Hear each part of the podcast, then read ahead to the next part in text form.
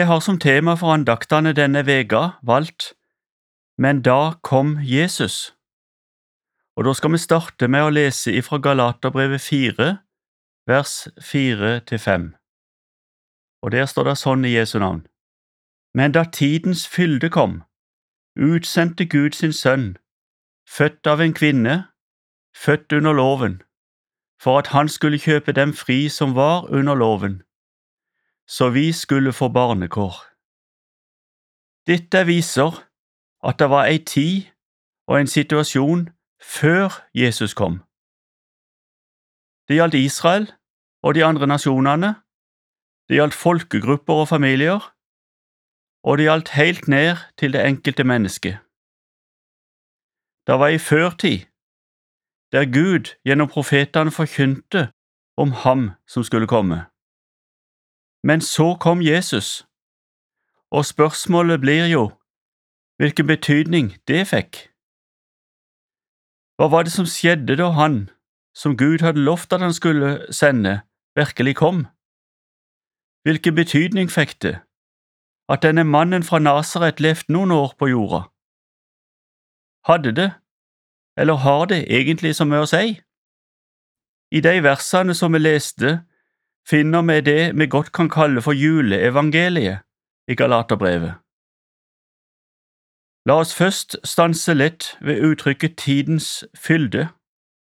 Det er ei vidunderlig formulering, som sier noe om at det ligger en plan bak, og at tingene skjer til nøyaktig rett tid. Vi er travle mennesker, de fleste av oss, og de teknologiske mulighetene gjør at vi har vent oss til at det ikke er nødvendig å vente for å oppnå.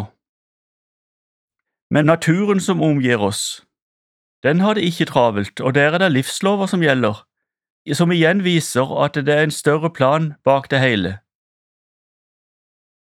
Det tar sin tid å få fram moden frukt, og et svangerskap, ja, det vet vi, det tar sine ni måneder. Gud har det heller ikke travelt. Hadde han vært travel, så hadde han på ingen måte skapt verden med de livslovene som gjelder. Han handler òg etter en nøyaktig plan i det vi kan kalle frelseshistorien. Da skjer tingene når tiden er moden, i tidens fylde. Det er akkurat som et beger som må fylles, og så kommer hele hendelsen. Ja, vi kjenner jo alle til det uttrykket når begeret er fullt. Jesus, han ble født da begeret var fullt, til nøyaktig rette tid, på nøyaktig rette sted og under nøyaktig rette forhold. Han ble født av ei kvinne, står der, jomfru Maria altså, og det betyr at Jesus han var sant menneske akkurat som det og meg. Og så står det videre at han ble født under loven, altså Moseloven, som enhver jøde, og under de konsekvensene som det hadde å bryte den loven. Men det var Gud som sendte han, sin egen sønn, med sin guddommelige hensikt. Han skulle kjøpe de fri som var under loven. Og det som er kjøpt og betalt, det har jo skifta eier. Den som er kjøpt fri, den er ikke lenger trell under loven, sier Bibelen, men han har barnekår hos Gud. Da er vedkommende flytta over fra pisken som trellen kjenner og frykter, og til friheten og rettferdigheten som barnet har i sin egen heim. Dette virker helt absurd for mange mennesker i dag, og sånn har det egentlig alltid vært. Dette som er vår eneste håp, oppleves å ikke ha noen relevans hos mange. Og òg jødene på Jesu tid reagerte. De sier i Johannes 8,33 Vi er Abrahams ett og har aldri vært treller under noen. Og derfor, mente de, så var det ikke behov for noen løsepenger. Det kom til krass konfrontasjon mellom jødene og Jesus nettopp på grunn av dette. Nettopp på grunn av det at Jesus forkynte for dem at de trengte å bli fri. Men Jesus visste bare så altfor godt hva det hele dreide seg om.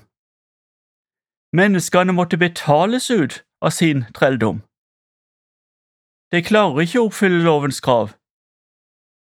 De klarte det heller ikke den gang, de falt i synd, og de faller i synd. Og syndens lønn, den er døden, sier Bibelen, og vi ser det og forstår det alle sammen når vi ser døden. Dette er en dødslov som er i funksjon, like så sikkert som livslovene som vi snakka om for litt siden.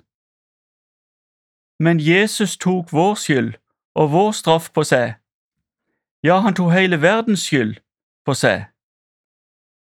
Dette tror jeg aldri vi kommer til å forstå, men det går jo likevel an å godta det og takke for det og ta imot det. Guds plan for menneskene, både for jødene og hedningene, både for deg og for meg, det er ikke at vi skal ende opp med døden som endelig lønn. Og derfor så finnes det en guddommelig inngripen, og den kan summeres i dette. Men da kom Jesus. På Golgata ser vi resultatet av en menneskelig domsprosess. Men det er òg så mye mer enn det. Det er resultatet av en guddommelig domsprosess. Vår rettferdighetssans sier at en ugjerning ikke skal straffes to ganger. Sånn er det i aller høyeste grad hos Gud òg. Dikteren og presten Peter Dass, som levde på siste halvdel av 1600-tallet og litt inn i 1700-tallet, han har sagt det ganske så treffende på rim de en gang avhandlede sager, man atter for dommen ei drager.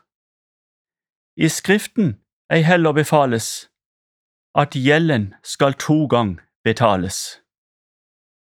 Et barn, det har rettigheter som det er født inn i. Det er stor forskjell på å være sønn eller datter i huset og det å bare være på besøk. Og sånn er det med Guds barn òg. De har fri adgang til sin far når som helst. Og så har båndene fått arverett til Guds evige rike, og det gjør jo og gir jo et helt spesielt perspektiv for livet her og nå, og et stort, stort håp for framtida. Tenk på det i forhold til det å være trell og ha døden som framtid. Det er en ufattelig stor forskjell da Jesus kom. Du har lyttet til Over en åpen bibel, og andakten var ved tidligere misjonær og fritidsforkynner Knut Olav Raen. Serien produseres av Norea Mediemisjon. Les mer om oss på norea.no.